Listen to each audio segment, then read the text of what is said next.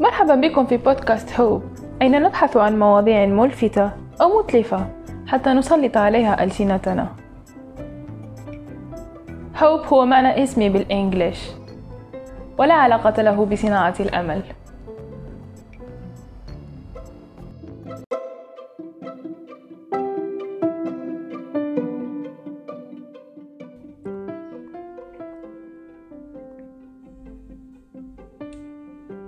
سؤال هل يحق للمرء أن يكون سقف أحلامه السماء أم أن هناك أحلام ليست من حق كل البشر؟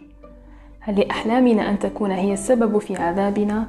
هل يحق لها أن تذكرنا في كل مرة أننا غير قادرين أو ربما غير مؤهلين أصلا لامتلاك مثل هذه الأحلام؟ متى ما أصابك حلم ما فاعلم أنك أصبحت رهينته حتى يتحقق أو ستبقى تتذرع مرارة الفشل في تحقيقه مدى الحياة. يقال أنه إن لم تكن قادرا على تحقيق حلم ما فلن يرميه الله في قلبك ولن يلهمك طريقه. لذلك على الأرجح أن السبب في عدم تحقيق هذا الحلم ربما تهاون ربما ضعف منك ربما أعذار ربما للثلاثة أن يجتمعوا. ربما تكون قد استمعت للكثير من التحفيز وشاهدت العديد من الأحاديث الملهمة. حتى عادت غير ملهمة. ربما فات الكثير من الوقت حتى تعودت على حياتك الحالية المخالفة تماما لحياة أحلامك. ربما نسيت حلمك ربما تناسيته ربما ضاع وسط الفوضى التي في رأسك. هل لمثل هذه الحالات أن تسمى أحلاما يعيش الإنسان ويموت وهو يلحقها؟ يفنى رجل ويترك الشعلة لابنه من أجلها؟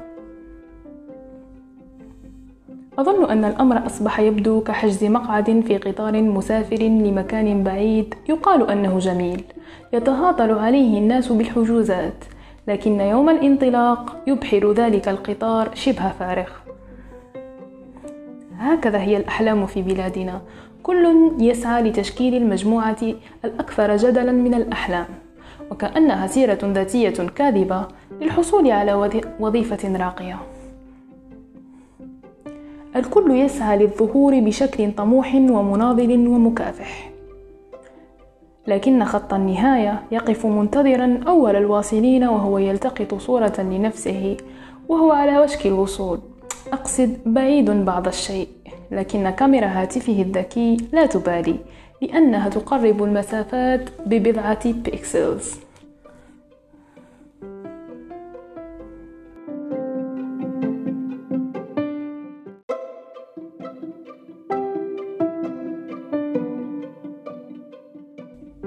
إذا أعجبتك حلقة اليوم لا تنسى مشاركتها.